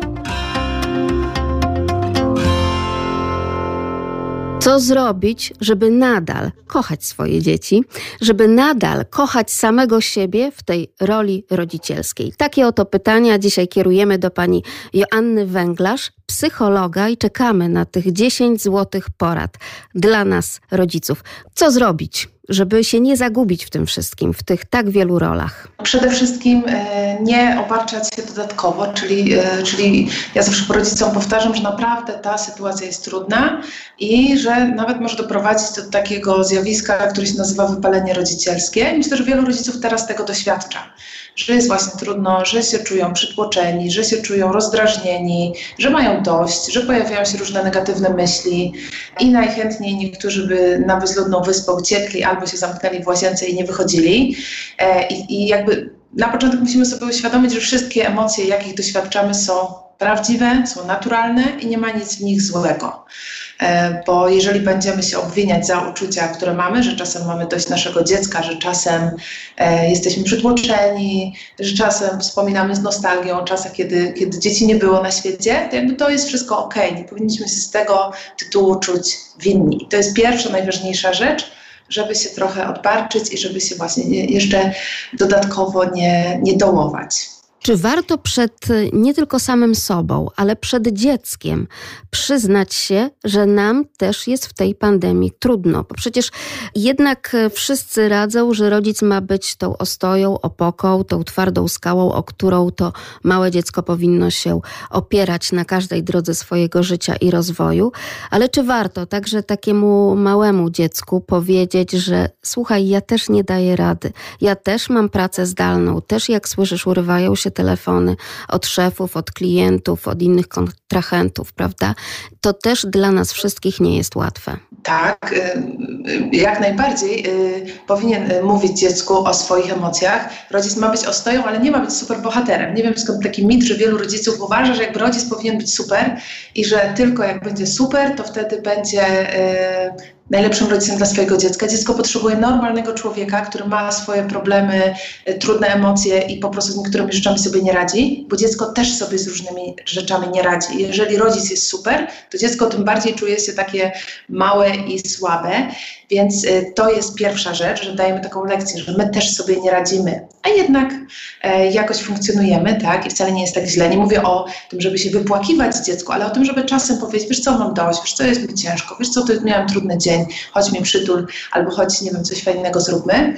I też czasami, jeżeli właśnie powiemy dziecku, że słuchaj, wiesz, co jest ciężko, może coś, co byśmy mogli wymyślić, to dzieci tak naprawdę szukają rozwiązań i one też coś mogą nam podsunąć albo mogą się włączyć w różne rzeczy, bo, bo czasami jest tak, że no, niestety no, rodzice uczą dzieci tego, że to oni za nie dużo robią, czyli jakby no, dzisiejsi rodzice bardzo dużo e, zadań przejmują właśnie, pilnowania tego, czy dziecko się spakowało, czy się podłączyło, czy wszystko jest dobrze. No i dziecko trochę się nauczyło w takim stanie funkcjonować, więc może to jest dobry moment, żeby powiedzieć dość i powiedzieć: Słuchaj, ja już mam dość, ja jestem zmęczona, musimy trochę to inaczej zorganizować. Czy ty masz pomysł, jak to zorganizujemy? I zapytać trochę dziecko. Jeżeli damy dziecku wybór, to jego będzie inicjatywa, mamo, to może ja sam będę pilnował. To jest dużo większa szansa, że ono e, to uszanuje. Jeżeli my powiemy: Słuchaj, od dzisiaj ty decydujesz, bo już mam tego dość, skończyło się to jest jakby zupełnie inny komunikat i jest duża szansa, że dziecko nam się zbuntuje. A jeżeli właśnie zachęcimy, wspólnie coś wypracujemy, mówiąc o naszych emocjach, które dziecko doskonale czuje, dziecko mieszka w tym domu, widzi tą mamę czy tego tatę y, albo zdenerwowanego, albo smutnego, albo jakiegoś takiego, nie wiem, przemęczonego, a słyszy komunikat sprzeczny. Nie, nie, wszystko jest dobrze, kontroluje sytuację. Więc jakby przestańmy siebie oszukiwać, przestańmy oszukiwać dziecko, zacznijmy rozmawiać. Zacznijmy też rozmawiać chociażby już tutaj z tym wspomnianym tatą, czyli po prostu z partnerem, partnerką. W drugą stronę też jak najbardziej to działa. Czy te komunikaty, które pani powiedziała i które możemy powiedzieć dziecku, czyli Miałem, miałam dzisiaj naprawdę trudny dzień. Taki szewski poniedziałek, nic mi nie szło. Chodź mnie przytul, choć e, spróbujmy to jakoś rozwiązać, może razem nam wspólnie się uda. Bo tutaj też chyba w takim psychologicznym spojrzeniu na rodzinę nie zapominajmy, że te wszystkie elementy układanki to nie tylko na przykład matka i dziecko, czy ojciec i dziecko, tylko no właśnie to jest bardzo często pierwiastek i męski, i żeński, i dziecięcy. Tak, tak, tak. Y, jakby to jest też rzecz, której warto robić, czyli ja to nazywam szukaniem zasobów takich społecznych, czyli szukaniem ludzi, na których możemy liczyć, bo, yy, bo bardzo często mamy ludzi. Jeżeli jesteśmy w kryzysie, jesteśmy wypaleni, jest nam trudno, to pojawia się w nas taka tendencja, że e, oddzielamy się od ludzi. I tak naprawdę w kryzysie często wiele osób ma taką tendencję do tego, żeby zamykać się w sobie, żeby się odcinać, żeby tworzyć jakąś taką, nie wiem, nakładać maskę, udawać, że jest wszystko dobrze, a często właśnie tak naprawdę sposobem na rozwiązanie, wyjście z tej sytuacji jest to, żeby zacząć mówić o, o swoich emocjach, uczciwie, szczerze, po prostu. E, I właśnie porozmawiać z partnerem czy z partnerką, porozmawiać z bliskimi różnymi osobami, bo my naprawdę, no każdy z nas ma wokół siebie różne bliskie osoby i czasami wszyscy gramy w taką grę, że jest świetnie. I ja udaję, że jest świetnie, koleżanka udaje, że jest świetnie, siostra udaje, że jest świetnie, sąsiad udaje, że jest świetnie, u nikogo nie jest świetnie, ale ktoś musi przerwać tą taką bańkę i powiedzieć, słuchaj, wiesz co, nie radzę sobie, a jak ty sobie radzisz z tym nauczaniem zdalnym? Bo ja u nas to w ogóle nie wychodzi. Albo no wiecie, jaki mamy bałagan w domu, nie możemy nad tym zapanować, nadrabiamy w weekendy. I okaże się, że to jest dość powszechny problem, naprawdę dotyczy niezależnie od tego, ile mamy pieniędzy na koncie, jakie mamy wykształcenie, ile mamy lat, po prostu to jest bardzo trudna sytuacja i mamy prawo sobie nie radzić I to nie jest naprawdę najważniejsze, y, czy mamy super porządek, czy wszystko działa idealnie. Ważne są nasze emocje i ważne jest, żebyśmy no, nie grali w jakieś, nie wiem, takie właśnie dziwne gry, nie oszukiwali samych siebie nie oszukiwali ludzi naokoło, bo to jest naprawdę błędne koło. Trudno bardzo z tego błędnego koła wyjść. I to nie jest takie jedno zdjęcie z Instagrama, prawda? Teraz e, rzeczywiście na tych wielu blogach parentingowych, wśród blogujących mam najczęściej, bo jednak to kobiety wychodzą z taką inicjatywą o wiele częściej niż mężczyźni, ale też i obserwujemy to w blogowaniu bardzo wielu ojców, na przykład blog Ojciec czy Zawód Tata, tam też taką prawdę o codzienności widzimy. I tam ci ludzie, ci rodzice rzeczywiście piszą o tym, co nie wychodzi. Też pokazują zdjęcia, jak to wygląda, kiedy te dzieci, prawda, przyklejone do tych laptopów czy telefonów, smartfonów i innych nośników, uczą się, pod nogami mają rozrzucone klocki, książki i tak dalej. No i tak często wygląda taka rzeczywistość i to o dziwo nam troszeczkę pomaga. To taka współterapia trochę. Tak, dokładnie, bo psychologii się mówi o zniekształceniach poznawczych, czyli my jakby, no, nasz umysł trochę zmienia to, co widzimy i, i bardzo często my myślimy o sobie inaczej niż to jest w rzeczywistości, czyli albo oceniamy się lepiej, czyli wydaje nam się, że jesteśmy lepsi, albo wpadamy w drugą skrajność i wydaje nam się, że tylko my mamy problem, nie wiem, z tym, żeby zapanować nad swoim dzieckiem, żeby regularnie posprzątać. I wydaje nam się, że wszyscy ludzie mają idealnie, a my po prostu jakoś sobie jedynie nie radzimy, a właśnie prawda jest inna. Większość ludzi sobie nie radzi, większość ludzi ma jakieś tam problemy, problemy. I właśnie, i to bardzo uwalnia, że to nie ze mną jest coś nie tak, tylko z tymi standardami właśnie, które czasami social media tak nam e, nadmiernie windują, że właśnie wszystko musi być pięknie idealne. E, nie musi być idealne, bo życie nie jest idealne i życie nie ma być idealne. Życie ma być zwyczajne, naprawdę, po prostu takie codzienne, czasami z bałaganem, czasami chaosem, czasami z krzykiem, czasami z kłótniami. Takie jest nasze życie. I nie tylko przesłodzone miodem, ale także z tą szczyptą goryczy i złości. Intuicyjnie, kiedy zostałam mamą, zaczęłam myśleć o tym, że tak naprawdę chyba dobrze, żeby moje dzieci też widziały, że ja też się złoszczę, że też mogę się o coś zdenerwować. Oczywiście wiem, że potem powinnam się zachować tak, a nie inaczej, być może przeprosić, w zależności od sytuacji, co, gdzie i jak zaistniało, ale czy warto też nie ukrywać przed dzieckiem własnej złości? Czy warto stawiać się tylko na piedestale takiej zrównoważonej, dorosłej osoby, spokojnej, zawsze opanowanej, nawet przez te zaciśnięte zęby. Mm, właśnie tak jak tutaj pani psycholog zwróciła na to uwagę, także z taką fasadą troszeczkę mamy do czynienia czy warto nawet od czasu do czasu, znaczy warto, no jeżeli to naturalnie wychodzi, po prostu pokłócić się nawet z tym dorosłym partnerem, współmałżonkiem w domu. Nie mówię tutaj o skrajnych sytuacjach awantur domowych i wiemy tutaj, jakie to są te dwa różne światy, ale także takie, kiedy ta ostra wymiana zdań, no właśnie prowadzi do tego, że jednak dochodzimy do jakichś rozwiązań dobrych dla całej rodziny.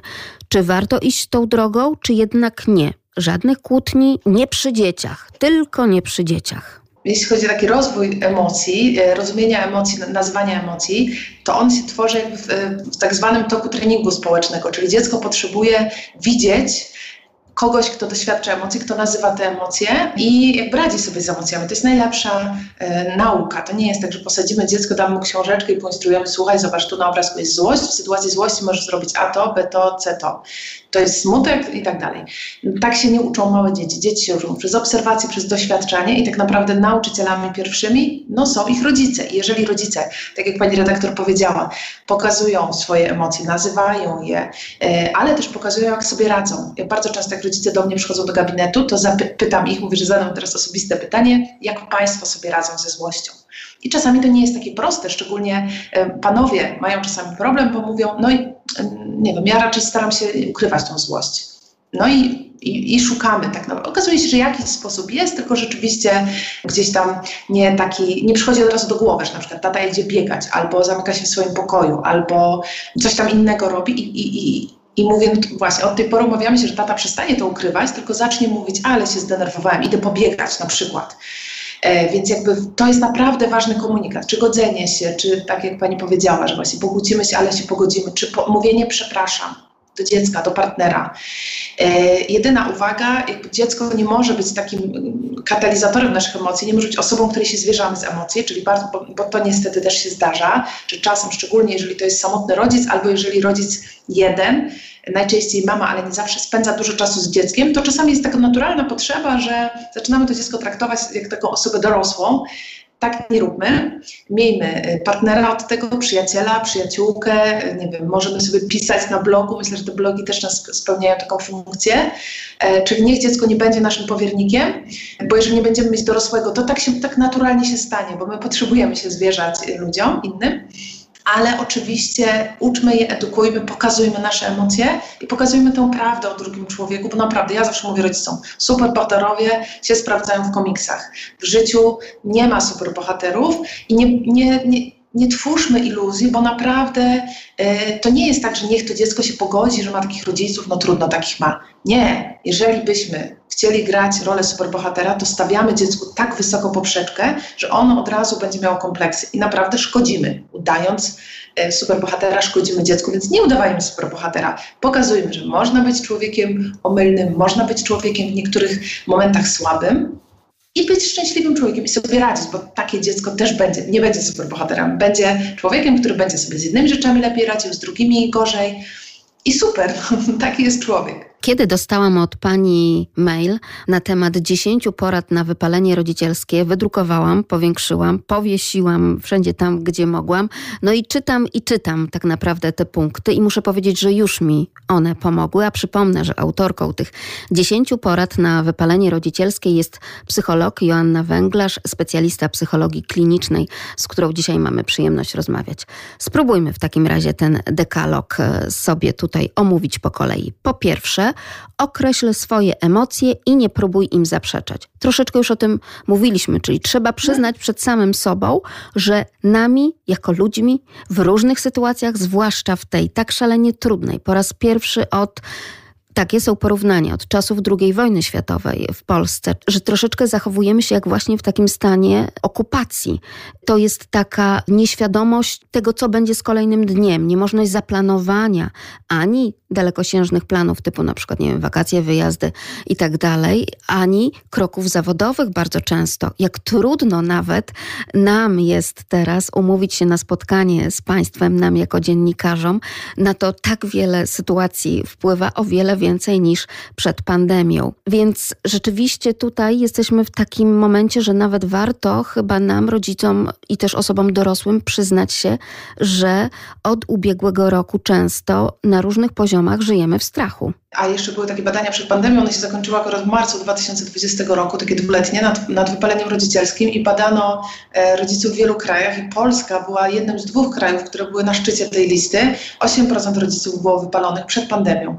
Więc ja nie wiem, jakie są statystyki. Pewnie te statystyki będziemy poznawać przez lata i to będzie zjawisko opisywane przez psychologów, socjologów i różnych innych ludzi. No ale my właśnie żyjemy w tej rzeczywistości i jest trudno i ma nam prawo być trudno, więc jakby właśnie określmy uczucia i nie próbujmy im zaprzeczać. Jeżeli się boisz, to się masz prawo bać. Jeżeli jesteś smutny czy smutna, to masz prawo być smutny czy smutna. Tak. No tak jest po prostu, tak? 8% ludzi było wypalonych rodzicielsko, czyli wypalonych już, nie, czyli jakby już naprawdę nie mieli sił. To jest dużo. To jest co prawie dziesiąta osoba już po prostu, co dziesiąty rodzic już nie, nie że tak powiem kolokwialnie nie wyrabiał.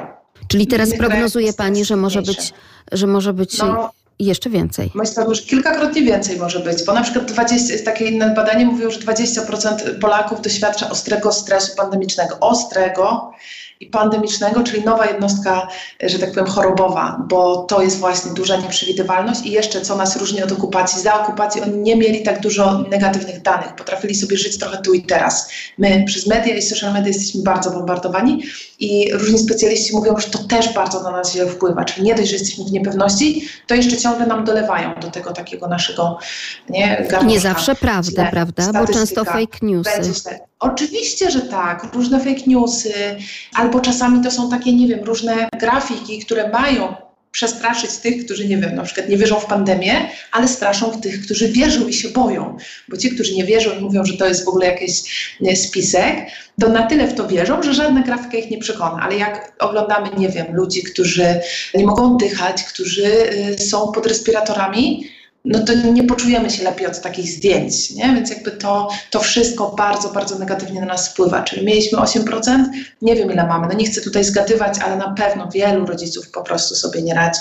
Myślę, że więcej niż 20%, bo jak rozmawiam z wieloma rodzicami, to mam, ja mam prawie wrażenie, że 100% ludzi w moim otoczeniu się wypala. No. Może to jakieś tutaj jakaś zła próba, ale naprawdę większość rodziców, jak, jak opowiadam o zjawisku, to, to wszyscy mi mówią, tak, ja to, ja to widzę, nie? Więc jakby, no chyba dość powszechne jest to. Więc jakby jeżeli ktoś, y, kto nas słucha, tak się czuje, to to jest naprawdę, mam wrażenie, że no jakby jest, jest tutaj prawie że w większości. Punkt drugi z tych dziesięciu porad na wypalenie rodzicielskie. Sprawdź swoje zasoby i zastanów się, na kogo ze znajomych możesz liczyć, a kto być może odbiera ci energię. Tak. Tak, i to jest też taka bardzo ważna rada. I staram też tę radę w życie wprowadzić. Trochę mi się też przetasowania zrobiły wśród znajomych, bo, y, bo uważam, że nie możemy, nie mamy sobie, jesteśmy trochę jakby e, w czasie, może nie wojny, ale takiej mobilizacji. Nazwijmy tą sytuację mobilizacją. Musimy się zmobilizować i musimy po prostu zadbać o zasoby. Czyli jeżeli mamy osobę, która nas zamęcza, wypisuje na nas różne rzeczy, takie nie, nie, niefajne i możemy się jej pozbyć, tak, ze znajomych, ograniczyć z nią kontakty, to to zróbmy. Może tak być, że to jest członek naszej rodziny, czy nie wiem, czy szef i nie bardzo mamy taką możliwość, ale to wtedy szukajmy jak najwięcej takich osób, na które możemy liczyć, które będą nam ładować baterie, bo naprawdę to jest ważne. W kryzysie potrzebujemy drugiego człowieka i potrzebujemy ludzi, którzy na nas pozytywnie działają. Naprawdę szukajmy takich ludzi to może, to może być taka osoba, nie którą fizycznie spotykam, ale to może być właśnie jakiś bloger, którego będziemy oglądać, czy, czy, czy jakiś, nie wiem, kogoś przez inne media, przez inne social media, którego będziemy śledzić, bo to też jakby czasami nam właśnie dodaje energii, że zobaczymy innego rodzica, który, e, który opowiada o, o mierzeniu się ze swoimi problemami i my czujemy, że po tym kontakcie z tą osobą, nawet takim wirtualnym i jednostronnym, czujemy się lepiej. To jeżeli się czujemy lepiej, to róbmy tego więcej. Jeżeli się czujemy gorzej, to tego nie róbmy.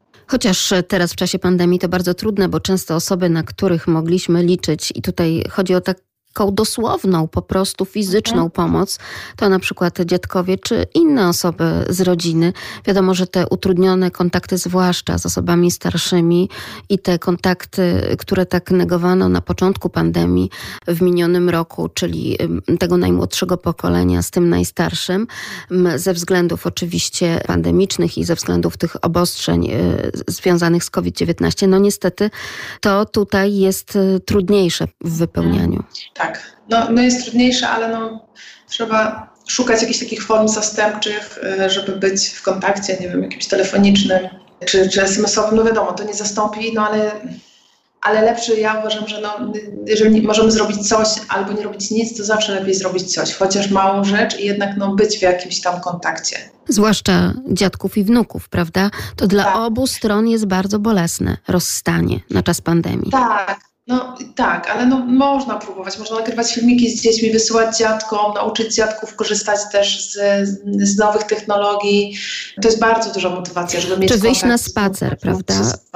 Oczywiście, to, to jeżeli jest możliwość taka, więc, więc to jest też czas, że taki, znaczy to, no to jest też dobre, myślę, że trochę się lepiej zaczynamy z tego powodu czuć. Można pójść na spacer, można zadbać o ten dystans, żeby się gdzieś tam zobaczyć, a nie wiem, nie podchodzić, chociaż to bywa trudne, bo dzieci jak widzą bliskie osoby, to chcą się przytulić często, więc jakby no, no trzeba też się zastanowić, jak to zrobić, żeby było na pewno bezpiecznie, ale, ale warto naprawdę takie rzeczy robić, żeby, te relacje społeczne to jest rzecz nie, no, nie do przecenienia, to jest też bardzo ważne dla naszego dobrostanu psychicznego, dla naszych emocji, dla naszego układu immunologicznego, to wszystko ma wpływ. Ja nie mówię, że to zastąpi leczenie, ale bardzo na pewno pomoże w naszej odporności, w naszym wychodzeniu z różnych chorób. No bo trochę jednak przez pandemię czujemy się po prostu tacy osieroceni z tych kontaktów społecznych, z kontaktów rodzinnych? Czy jako psycholog postrzega to Pani w takim kontekście już długofalowym, że to może w jakiś sposób na tym zdrowiu psychicznym i tych młodszych, i tych starszych, i tych w średnim wieku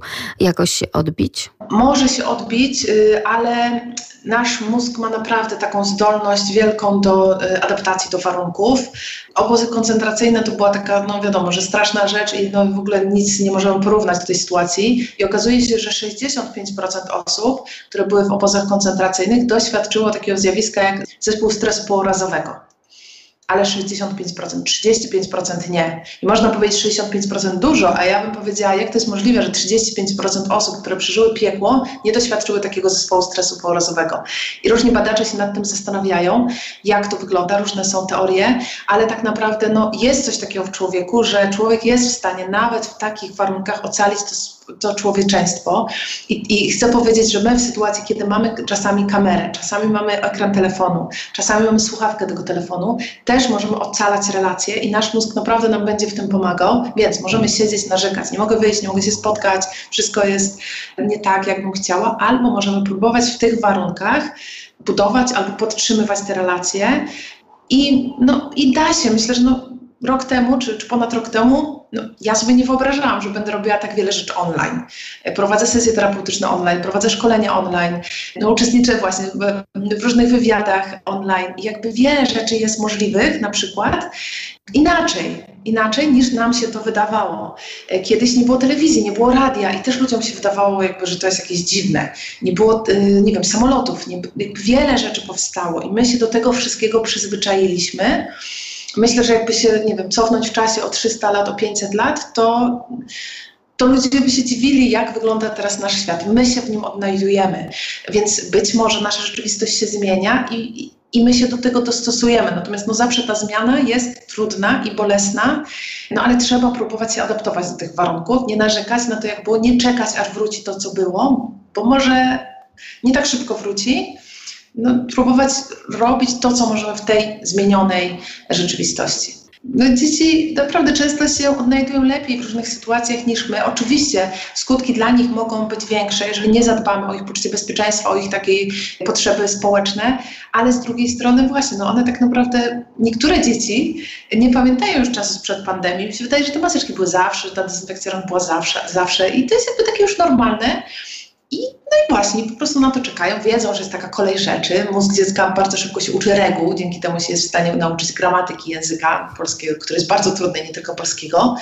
Przecież bez lekcji gramatyki, tylko z samego słuchania uczy się gramatyki i w ogóle uczy się wielu słów i tak dalej. Więc dziecko wychwytuje reguły i wychwytuje właśnie, jest taka reguła, okej, okay, trzeba się do niej dostosować. To nic złego, że jest taka reguła, więc jeżeli my nie będziemy nadawać temu znaczenia, wiesz co, to jest straszne, że nie możemy się spotkać z dziadkami, bardzo jesteśmy smutni, tylko powiem, no tak, jeszcze trochę, zobacz, tu jest kalendarz, tu ci pokażę, tak?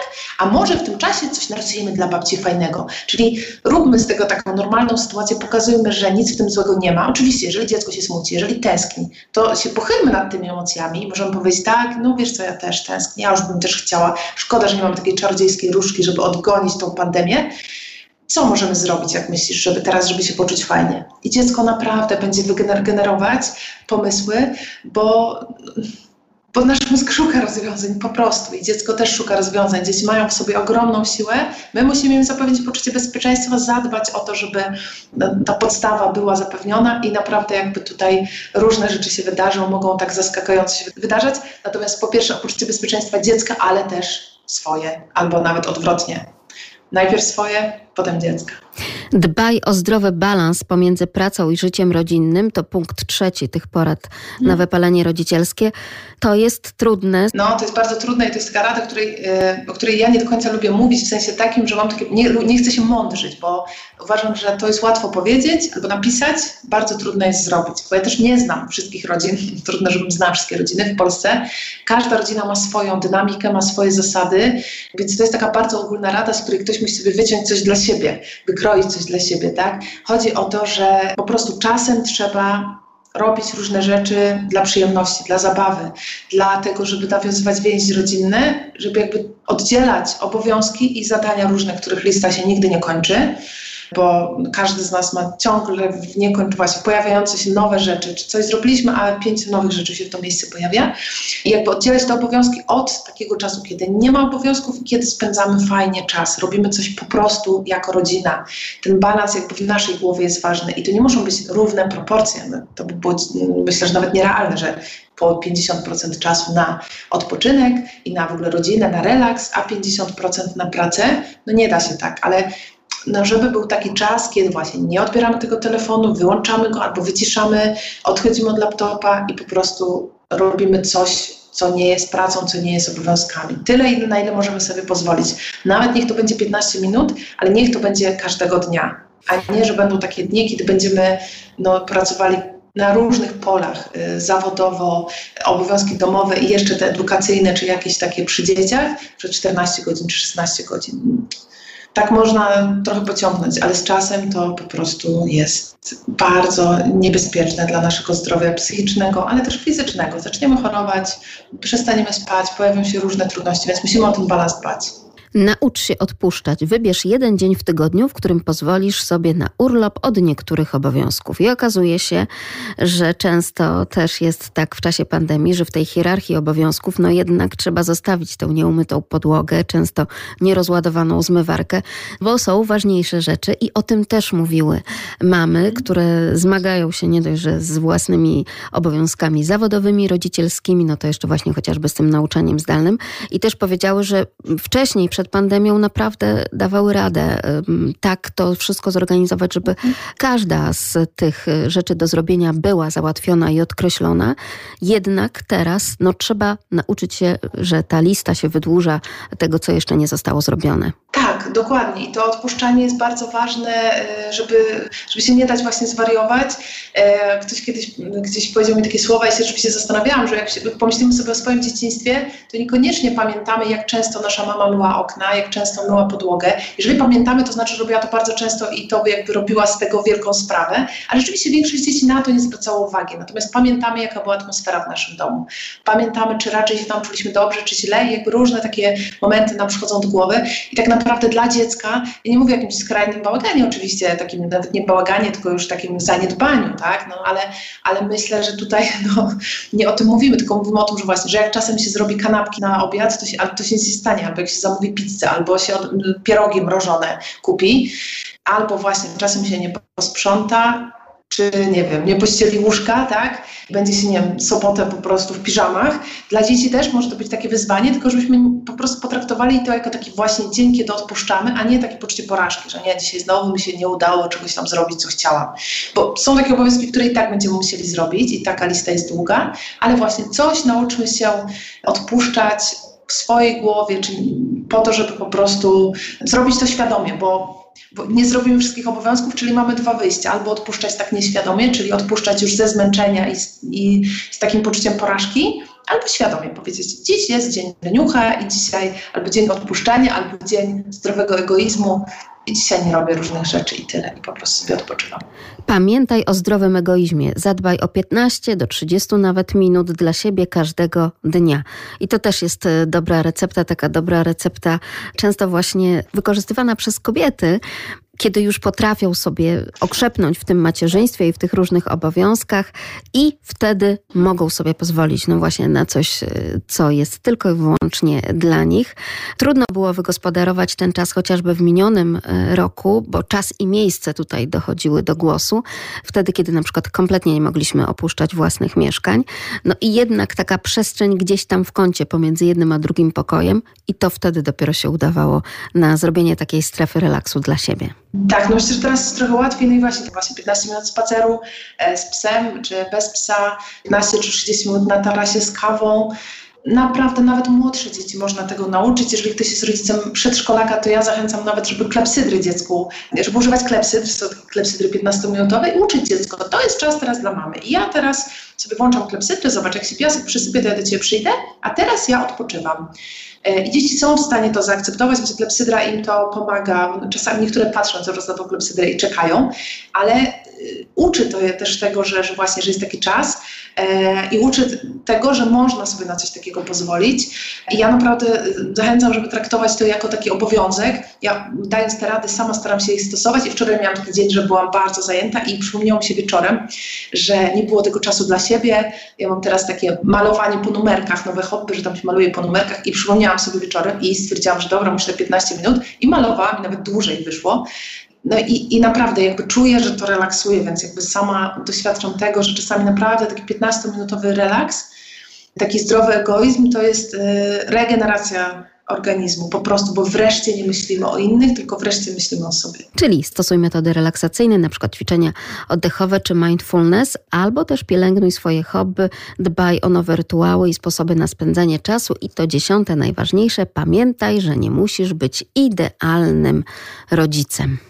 Tak, naprawdę super bohaterowie w komiksach są ok, w życiu nie są ok.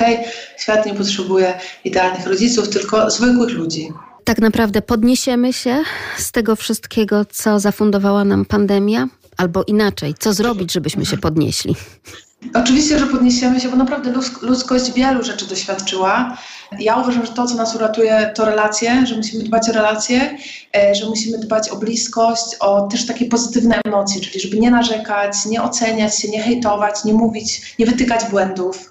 Jak jest nam ciężko, to to jest taka naturalna tendencja. Najłatwiej się wyżyć na kimś, ale nie róbmy tego, skupiajmy się na pozytywach i, ja wierzę, że jesteśmy w stanie bardzo dużo zrobić naprawdę i że być może to jest jakiś taki przełom, który, który też wiele rzeczy zmieni. Czegoś nas pozytywnego nauczy? Na przykład. Albo gdzieś tam właśnie pokaże, co jest, co jest wartością, co jest najważniejsze, że, e, że, że gonienie czasami za niektórymi rzeczami nie ma sensu, że, yy, że nie ma co udawać kogoś, kim nie jesteśmy. Bo myślę, że przed pandemią trochę tak było, że się trochę zapędziliśmy e, w tym takim pogoni za właśnie byciem, nie wiadomo, może za posiadaniem, a nie byciem, albo za udawaniem kogoś, kim nie jesteśmy. I ja mam wrażenie, że wiele osób naprawdę mówi o pandemii, no teraz już jesteśmy zmęczeni tą pandemią, ale że na początku refleksje takie były, że zmieniły mi się trochę priorytety, że odkryłem, co jest ważne, że nie zawsze właśnie pogoń za pieniądzem i kolejna, kolejne zlecenia mają sens, tylko czasami trzeba po prostu odpocząć. No i ja mam nadzieję, że to w tym kierunku pójdzie, a nie w kierunku jakiegoś zniechęcenia i po prostu totalnego wypalenia, tylko że to będzie taki czas właśnie przewartościowania pewnych rzeczy. Czyli jednak pandemia troszeczkę nam zweryfikowała to nasze życie, zwłaszcza właśnie życie rodzinne. No musimy też o tym powiedzieć, że nie w każdej rodzinie na plus, prawda? Bardzo wiele rodzin, z którymi często rozmawiamy i również rozmawiamy tutaj na antenie i słuchacze się wypowiadają, okazało się, że to było coś dobrego dla rodziny, takie na nowo scalenie, jednak ta radość dzieci na początku, że rodzice są cały czas na wyciągnięcie ręki, to obdwoje, a nie tylko jeden, jak często bywało, prawda? Natomiast no, no z drugiej strony też e, te rozwody w czasie pandemii też e, mają miejsce, więc no to są dwie skrajności tak naprawdę. No tak, tak, tak. I to też jakby właśnie trzeba o tym pamiętać, że może tak być, e, że się rozpadają małżeństwa, że upadają biznesy, że wiele osób gdzieś tam jest w kryzysie i dochodzi do jakiejś takiej granicy. Więc ja uważam, że też musimy być czujni i musimy obserwować siebie nawzajem, bo, e, no bo, bo bywa różnie w tych różnych domach i, e, i różnie sobie ludzie radzą też tak emocjonalnie. Raz, raz właśnie w rodzinach są konflikty, ale niektórzy ludzie nie pokazują tego, że naprawdę e, no, to jest dla nich sytuacja bardzo, bardzo trudna. Więc rzeczywiście powinniśmy być, dbać o siebie i być uważni na, na, na ludzi, którzy nas otaczają. Patrząc przez pryzmat Pani doświadczenia psychologicznego, czy prognozuje Pani, że częściej będą ludzie pytać e, i pukać do gabinetów psychologów, do także, tak jak Pani, specjalistów psychologii klinicznej? Na pewno, bo już to bardzo widać. E, gabinety szczególnie e, takie dziecięco-młodzieżowe pękają w szwach, już są po prostu w prywatnych gabinetach czasami terminy, nie wiem, na dwa miesiące do przodu powypełniane, więc jest bardzo, bardzo duża potrzeba. E, myślę, że to ta sytuacja też niektórych ludzi przerwała tą czarę goryczy i oni też odważyli się mówić o tym, że mają problem i to jest akurat dobre, bo, bo właśnie badania mówiły, że już część rodziców była wypalona wcześniej, ale być może teraz dopiero zacznie szukać pomocy. E, I ja uważam, że to jest akurat dobrze, bo no, w niektórych krajach zachodnich już jest taka kultura, że ludzie po prostu już mają swojego psychoterapeuta i o tym mówią, a u nas no, długi często był taki trochę wstyd, żeby pójść do terapeuty, żeby się, nie wiem, poradzić.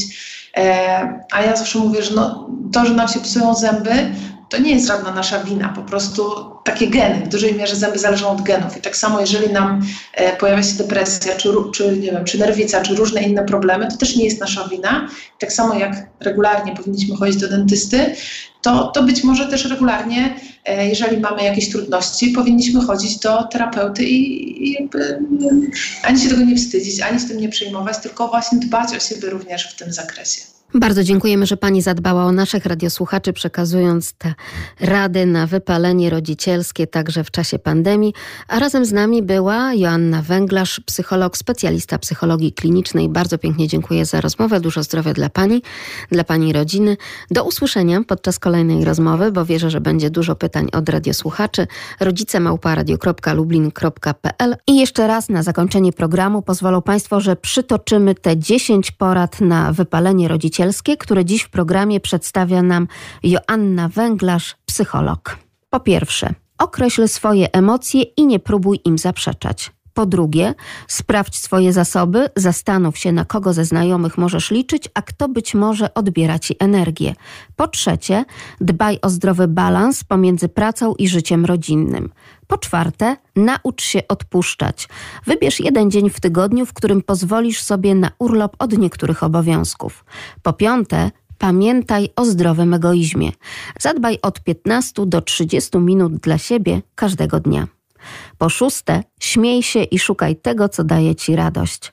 Po siódme, praktykuj wdzięczność. Postaraj się każdego dnia znaleźć choć jedną rzecz, za którą możesz być wdzięczny lub wdzięczna. Po ósme, stosuj metody relaksacyjne, np. ćwiczenia oddechowe lub mindfulness. Po dziewiąte, pielęgnuj swoje hobby, ale też dbaj o nowe rytuały i sposoby na spędzanie wolnego czasu. Po dziesiąte, pamiętaj, że nie musisz być idealnym rodzicem. Proszę wziąć sobie do serca te wszystkie porady, które dzisiaj prezentowała Państwu Joanna Węglarz, psycholog i specjalistka psychologii klinicznej. Dziękuję bardzo, a sprzed mikrofonu kłania się Magdalena Lipiec-Jaremek. To tyle w naszym programie. W naszej audycji My Rodzice do usłyszenia jak zawsze w każdy wtorek tuż po godzinie 22. Kontakt z nami rodzice małparadio.lublin.pl